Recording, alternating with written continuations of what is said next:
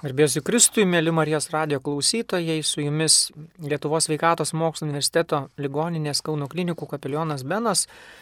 Pasidalinsiu mintimis apie ligonių selovadą, šiek tiek taip pat apie iškeliavimą žmogaus į Dievo artumą, pasiruošimą mūsų visų gyvenime. Mes kiekvienas ruošiamės, ne tik ligoniai ruošiasi sutikti Dievą po savo žemiško gyvenimo Dievo artumoje, bet ir mes kiekvienas esam piligrimas ir Laiminga mirtis yra tokia mirtis, kai mes iš tikrųjų galim sakyti, kad sudėjom ir pateisinam visą savo, visą tai, ką Dievas į mumise sudėjo, mes įskleidėm per savo gyvenimą. Ir turbūt dauguma žmonių galvoja, kad kažkaip ypatingai reikia gyventi ar būtinai visiems tapti šventiems pagal tam tikras klišes, normas, turbūt kad ne, bet išgirsti savo širdyje Dievo kvietimą, suvokti, kad malda, ir žmogiškas gyvenimas nėra tik tai kalbėjimas su Dievu, bet visas veikimas ir pasitikėjimas visame kame tai, ką jis atlieka, ką jis daro. Tai laiminga mirtis turbūt e, bandau įsivaizduoti, kaip yra laiminga mirtis, kai mes, e, kas man būtų, tai tikriausiai pasakymas toks vidinė tokia drąsa ir pasakymas savo, kad iš tikrųjų padariau beveik viską. Beveik viską Dieve tai, ką tu manyje sudėjai, tuos talentus, tuos, tas negalės, kuriuose buvau silpnas, pasitikėjau tavimi, iš tikrųjų pažinau tavo veidą, stengiausi gyventi ir perprasti tavo, tavo gyvenimą, tavo visas įsakymus, įstatymus, tavo žmogišką gyvenimą ir stengiausi būti panašus. Tai čia turbūt laiminga mirtis yra supanašėjimas su Jėzaus žmogišku charakteriu, taip kaip jis gyveno, kaip elgėsi, kaip matė, kaip mąstė, kaip, kaip atleido, kaip keliavo. Tai kiekvieno mūsų tikinčio žmogaus e, tikslas yra pasiruošti Dievo akivaizdai. Mes visą tai, ką darom kiekvieną dieną, kasdienybei, yra kiekviena diena mūsų Dievo apvaizdai, tačiau be abejo mes amžinybei matysim visą tai labai konkrečiai, veidas į veidą. Tai laiminga mirtis yra ta mirtis, kai aš galiu pasakyti, kaip Jėzus atlikta. Ir kad kuo labiau, kuo daugiau, kuo arčiau būčiau tos savo paties versijos, kurią į mane sudėjo pats Kristus. Tai tuo labiau pasiekčiau turbūt tą gyvenimo pilnatvį ir palaimintą tą Dievo artumą. Kai stebiu žmonės, kurie guli Kauno klinikose ir tuos, kurie, galima sakyti, jau iškeliaujantys prie pat viešpatės artumo, tai matosi tas toks, na, matosi, kurie laimingai iškeliauja, jie susitaikė su Dievu, atlikę išpažinti, atsiprašę žmogiškai savo artimų žmonių už tai, ką padarė ne taip, už to, ko nesugebėjo padaryti. Ir matosi tas toks lengvumas, kad žmogus yra apimtas ne baimės, bet to vidinio susitaikymo, kad yra šventės atgailos sakramentą gyvenime, iš tikrųjų ieškojęs Dievo šventų mišių aukoje, kurioje pats Kristus meldžiasi už mus. Tai matau tą, sakytume, kitam žmogui atrodo, tam, kuris tikrai laimingai iškeliauja, tai atrodo, kitam nepakaktų dešimt gyvenimų, kad taip iškeliautų, bet vat, matosi tas toks pavyzdys, kad žmonės, kurie iš tikrųjų, kurie laimingai iškeliauja, tai yra susitaikę darnoje su pasauliu, su kitais, atleidę, palikę nuoskaudas, šventę sakramentą. Dar labai svarbu iš tikrųjų paminėti, kad na, ne tik kaip kunigas aš, kuris keliaujantis į palatas pas ligonius, matantis laimingą mirtį.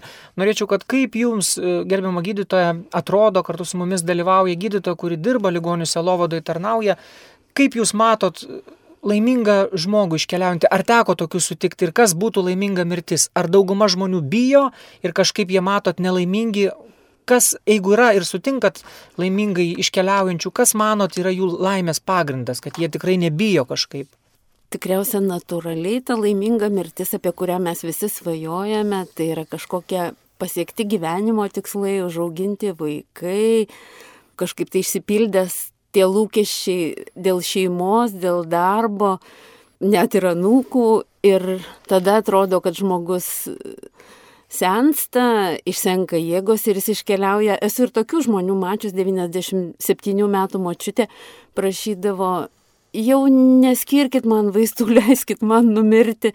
Ir va taip geso, geso, tas jos pamaldumas buvo toks labai paprastas, mes melzdavome sveiką Mariją kasdien ir jin taip va, iš širdies už giminę ir užmirusius melzdavosi. Ir va taip geso, geso ir išėjo. Kita moteriškė jau irgi vyresnio amžiaus ir onkologinė lyga, bet turėjo tokį labai šviesų tikėjimą. Ir mes turim tokią maldą, kančios paukojimą už, už kitus žmonės. Ir ta malda man atrodo tokia paprasta, ilga, daug žodžių, o jin sakydavo, nu man gražesnės maldos už šitą maldą nėra. Ir va kažkaip mes su ją melsdavomės ir kai atėjo jos tas mirties momentas, buvo ir skausmo, ir, ir, ir oro trūkumo, ir tokių fizinių simptomų. Ir jau atrodė, mačiutė baigė kvepuoti ir kadangi buvo mūsų maldos bendražygė, tai mes su sielo vadininkė kartu meldėmės prie jos gailestingumo vainikėlį ir atrodė, nu, vad kiekvienas įkvėpimas gali būti paskutinis. Ir tada jau, kai baigėm gailestingumo vainikėlį, nudarin kvepavo ir pasilenkė selovadininkė ir klausė, Regina, ar nori švenčiausiojo? Ir tada tokiom džiugiom akim atsimerkė Regina ir sako, noriu. tai va tų tokių laimingų mirčių, kur kažkaip Dievas ir gyvenimas atveda prie tos laimingos mirties, bet mes negalim pasirinkti, kuriam gyvenimo etape, nuo kokios lygos ar net nuo nelaimingo atsitikimo numirsim ir užtat ruoštis turėtume bet kuriuo atveju, nes, nu, va vienintelis dalykas, kas mūsų gyvenime neišvengiamas ir tikrai atsitiks, yra mirtis.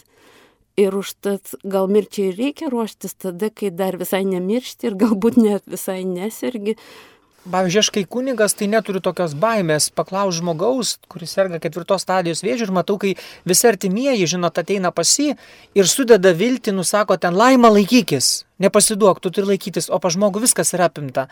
Ar gydytojai bijo klausti žmogaus apie, apie mirtį, ar tu bijai mirti? Ir ko jūs kaip gydytojas susidurėt, aš pasidalinsiu taip pat kaip kapelionas, ko bijo žmogus mirštantis, ar yra bijančių, kaip manot, ko labiausiai?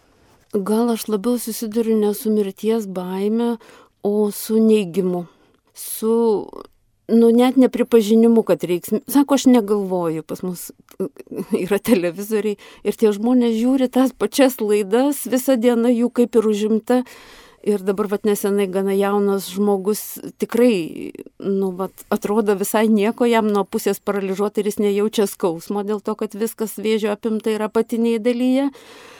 Ir jisai leidžia tą savo gyvenimą ir jau sužinojau, kad vakar mirė amžinatelsi jam. Tai jisai tiesiog neprileido tos mirties ir mes iš vienos pusės jį kalbinom ir, ir, ir kitaip kalbinom. Nu, aš tik džiaugiuosi, kas mums pasisekė, tai atnaujinti šeimos ryšius, kad jisai patirtų tą meilę, rūpestį, nes tas gyvenimas dažnai būna toks suveltas, ryšiai nutrūkę, su vaikais nebendrauja, su kažkuo, tai, tai vad buvo toksai trumpas paėjimas į tą pusę, bet atrodė, kad tenai dar gal pusę metų mes draugausim ir kadangi ligoninė yra ir psichologė, ir sielovadininkė, ir, ir nu, vat, mes kažkaip bendrai visi dirbam, tai po žingsnį, po žingsnį, bet iš tikrųjų, nu, tikriausiai baisiau yra nemirties baimė, jos neįgymas iki paskutinės akimirkos ir kartais ligonis sako, tai ką, aš jau mirštu ir tai yra tiesa. Aš taip labai dažnai susiduriu, kad tai ir yra, žinot, tas ignoravimas savo trapumo, įstumimas ir yra savotiška, na, nekalbu apie tos dalykus, kurie nėra patogus ir kurie nu, reikalauja kažkokio tai tikrai sunkus klausimai. Artimieji atėję stengiasi nekalbėti apie mirtį, nes tai tarsi kažkaip nepatogu, kaip kunigas sako, mes dar, nu, dar šiek tiek laukiam, dar nekviečiam, nes nu, dar nėra tai blogai, kaip atrodo.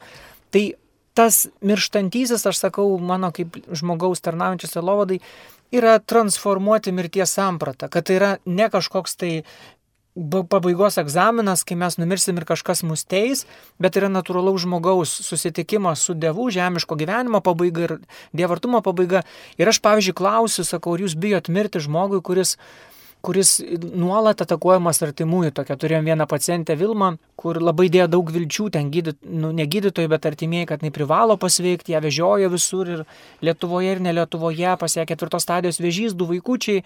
Ir sako, kunigė, man visas kūnas tirpsta ir aš sako, žinau, kad, sako, aš taip norėčiau vaikščioti ir jau jai labai labai blogai, sako, Vilma, ar jūs bijot mirti, sako, aš sako, labai bijau mirti, nes sako gyvenime, nu, ne, negyvenau teisingai, taip kaip atrodo, kad viskas ten tvarkoja. Ir mes tada iš tikrųjų mano misija, supratau, kad ten tas laikas, kuris duotas, nesvarbu ten savaitė, dešimt dienų ar kelios dienos, kad neišgelbėti jos kūno, nesveikatos, netrans, visko nepakeisti, nepadaryti, nepastatyti jos ant kojų, bet tada tiesiog transformuoti mirties veidą, kad tai nėra blogis ir tai nėra kažkokia baimės veidas, bet yra susitikimo su Dievu, žmogaus gyvenimo įsipildymo veidas. Ir sakau, jūs turite galimybę tiesiog susitaikyti su Dievu, su visa aplinka, su savimi, atsiprašyti už tai, kas nepavyko. Dievas yra tas absoliuti meilė, kur jūs apkabina, tiesiog prie jo prieiti. Tai kartais aš matau, kaip ir jūs sakote, tą tokį, nu, rezervuotą tokį požiūrį, nepatogi tema, tada ją iš vis išeinam arba įstumėm, arba papildom, išpildom televizijos programom, kad tarsi nuo tos realybės nesusitikti jos dar, dar nespręsti. O kaip dažnai paskutinės tos valandos, paskutinės dienos yra būtent galimybė susitaikyti, ar ne, su Dievu, su artimaisiais, print galiausiai pačią, pačią tą žinę, kad aš esu žmogus. Ir mirštu ne dėl to, kad Dievas mane baudžia, bet dėl to, kad nesu Dievas, nes jeigu būčiau Dievas, nemirčiau, nesirgčiau, nebūčiau trapus, tai aš ir sakau, kad ne Dievas baudžia, bet Kristaus buvimas ant kryžiaus reiškia, kad mes privalom išmokti gyventi su pažeidžiamumu, kad mūsų nesužlugdytų ar ne tas pažeidžiamumas. Tai yra to tokio, tokio šiek tiek baimės ir yra tos tokios vat rezervuotos toks, nu, kad nekalbėt kunigo dar šiek tiek palaukti, dar ne, nevežti, nes dar nėra tai blogai, gal dar kažkas bus. Kunigas yra dažnai laikomas kaip parašiutas, jeigu lėktuvas kris, tai tada mes jį panaudosim, o ne kaip sakramentas, ligonio sakramentas, kuris yra ir gydimo, ne tik tai kažkaip mirties sakramentas, ir ramybės kartu sakyčiau tokios sakramentas. Ar jūs manot, kad įmanoma kažkaip iš gydytojo na, nežinau, požiūrio pasiruošti mirčiai?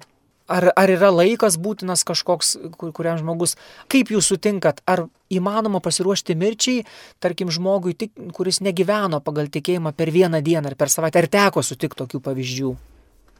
Nu, gal mūsų ligoninė tokia specifinė vis viena yra labai sunkus ligonė arba seneliai ir kai kuriems tiesiog neišeis pasiruošti mirčiai, todėl kad nebeturi intelekto, yra demencija ir užtat nu, kažkaip tai tikrai gyvenime turi girdėti tą temą ir turėtum ruoštis gyvenime, nes tikrai nepasirenkam tos būsenos, kokioje būsime prieš mirtį ir, ir nu gal mūsų ligoninė vis viena yra išskirtinė ir turim tą privilegiją, kad kuningas ateina kiekvieną savaitę, mišios yra kiekvieną savaitę ir mums nereikia kviesti to parašiuto, o mes ligonėms pačios pasiūlom, pakalbinam, paskatinam išpažinčiai, kas pajėgia tai tada tie ligoniai, nu, ir tos grėsmės tokios nepajunta, kad čia prieš mirtį, nes, nu, va, kas savaitę ateina ir ta mirtis tikrai yra slėpinys, net ir medikam yra slėpinys.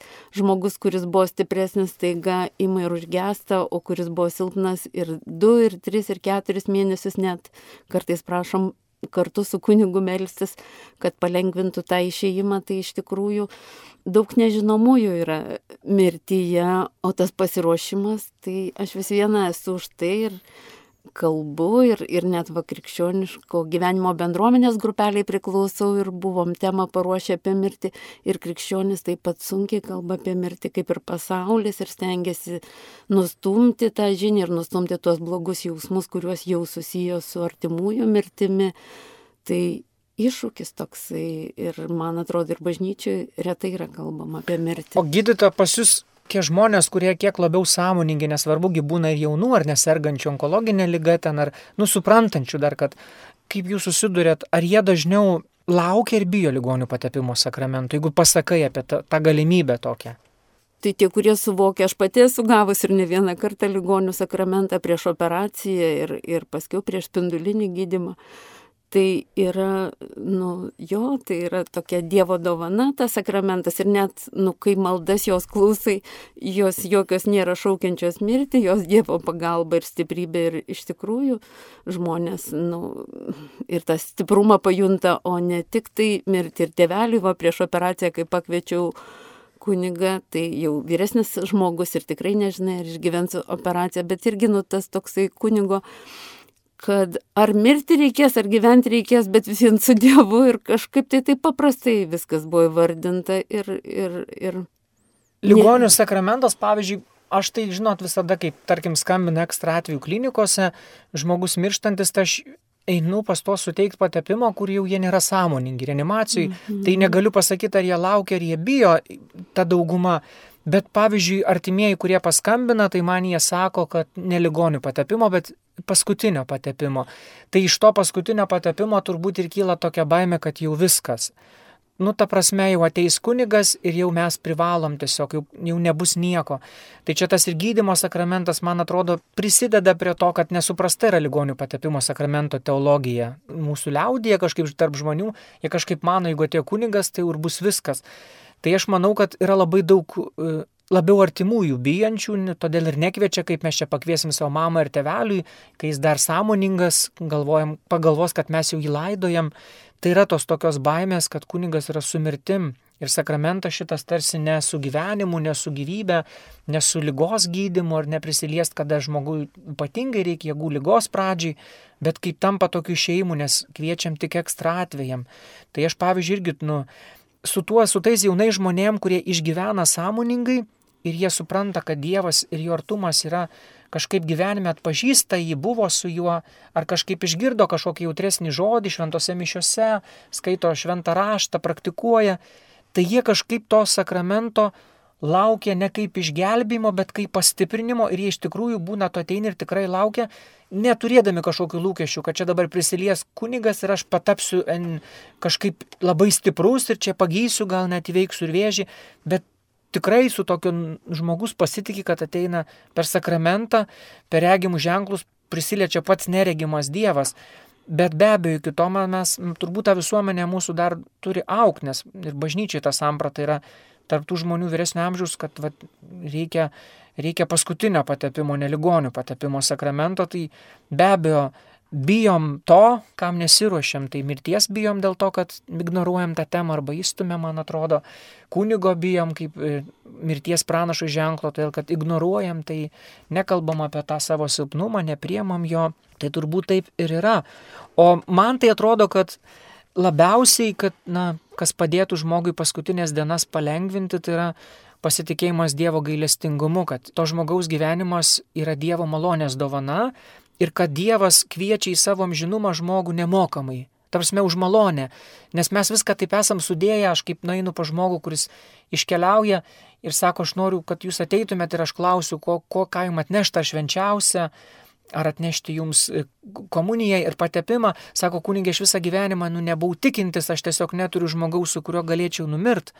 Ir kai žmogus įsikalbi, matai, kad jis pakankamai klausė savo sąžinės, gyveno tikrai tą neblogą gyvenimą ir tikrai ieškojo Dievo, tai jie pasakoja, kad, na, Dievo gailestingumas iš tikrųjų pasitikėjimas jo, kad Dievas yra gailestingas, ne ta prasme, kad mane gaili ir dabar, na, pavyzdžiui, kažkaip ten išgelbės, bet iš gailėšio, bet dėl to, kad dievi, dievuje gailestingumas ir meilė sutampa kaip Dievas gailestingumas ir meilės tampa ne iš gailėšio jis mus myli, bet jis myli dėl to, kad jo esmė mylėt.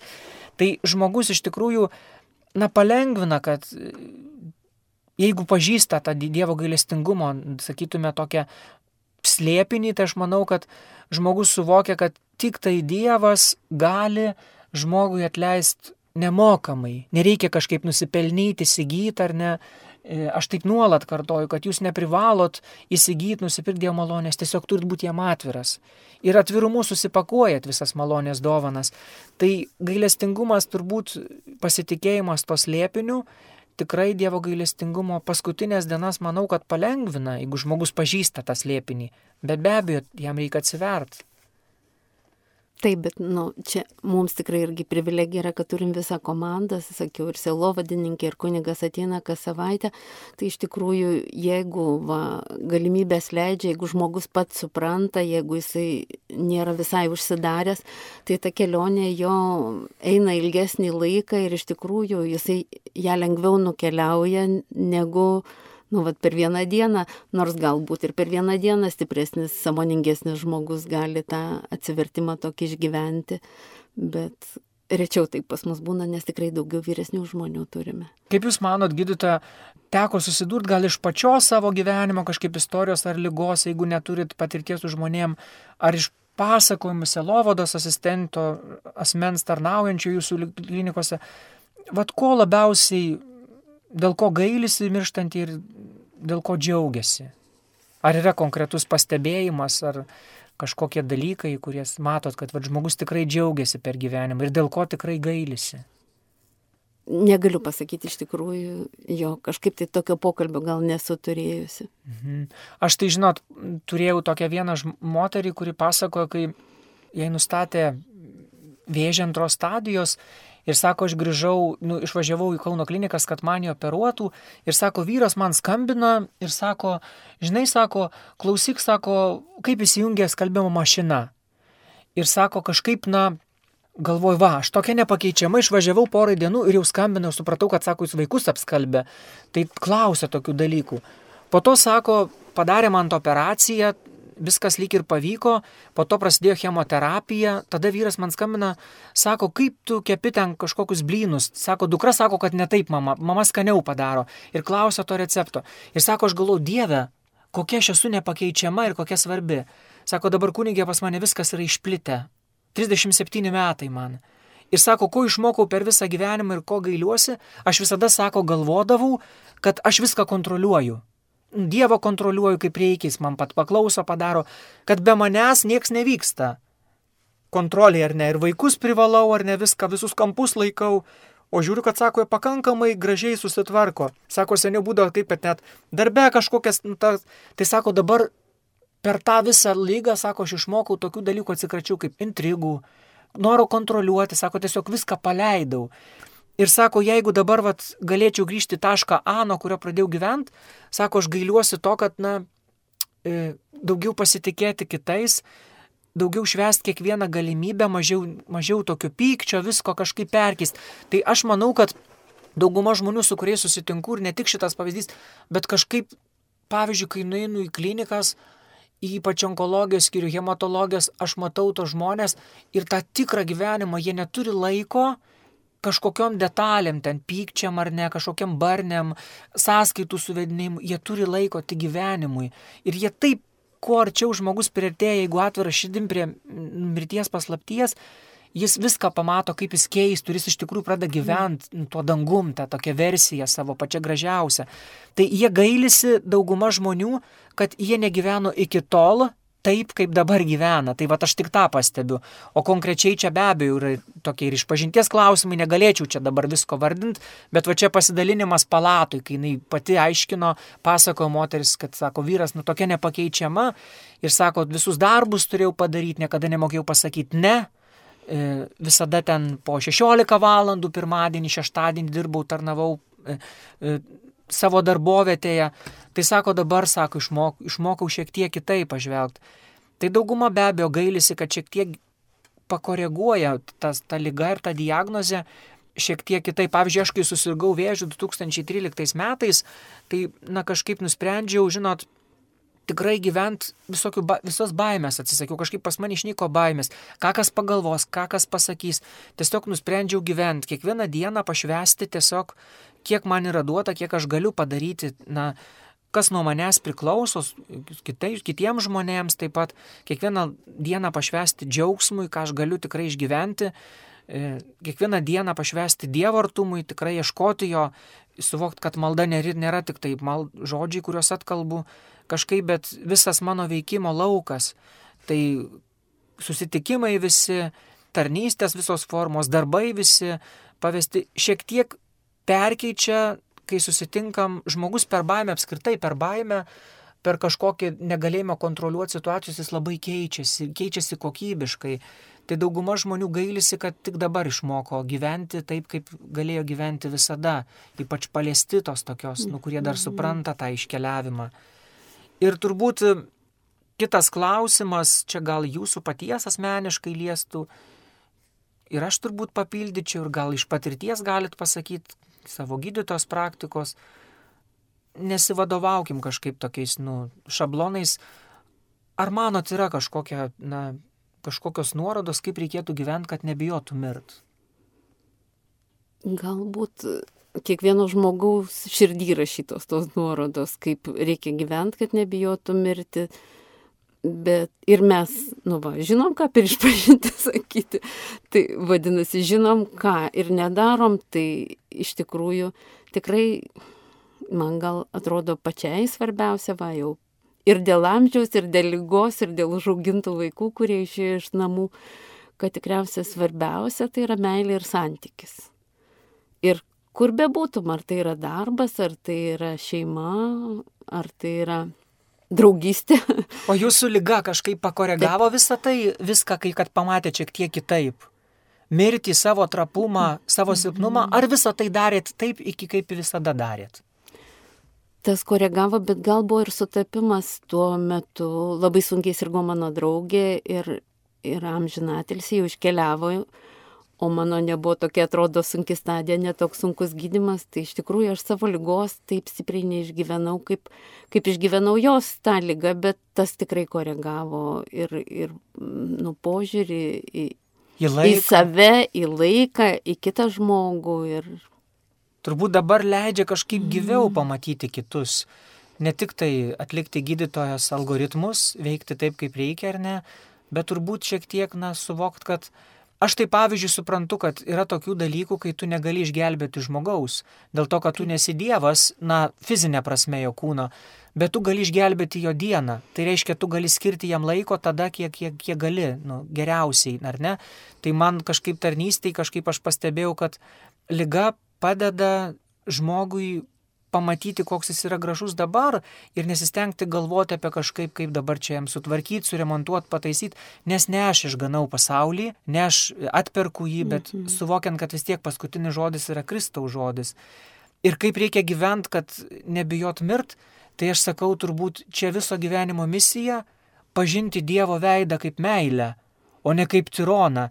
Ir jeigu mes pažįstam Dievą kaip tas, kuris ateina ieškoti žmogaus gyvenime išeičių, kuris siunčia savo sūnų į mūsų širdis, kad mes pastebėtume, kad Dievas ateina supurtyti žmogų meilę, ne kažkokiu sąskaitų suvedinėjimu, nes nebuvo Jėzus tas, kuris atėjo padaryti tvarkos, tiesioginė prasme, suvedinėti sąskaitų, kažkoks politinis mesijas, viskas teisingai, nes turbūt matė, kad žmogui manoma tik meilė, na, prakalbint kažkaip, kad visada kažkaip man tai kaip kunigui, kaip pasako koks kolega kunigas, sako, keliaujam kartu, tai man kažkaip visada yra, na, smagiau keliauti kartu, negu sakyti, eik, padaryk, tikėk.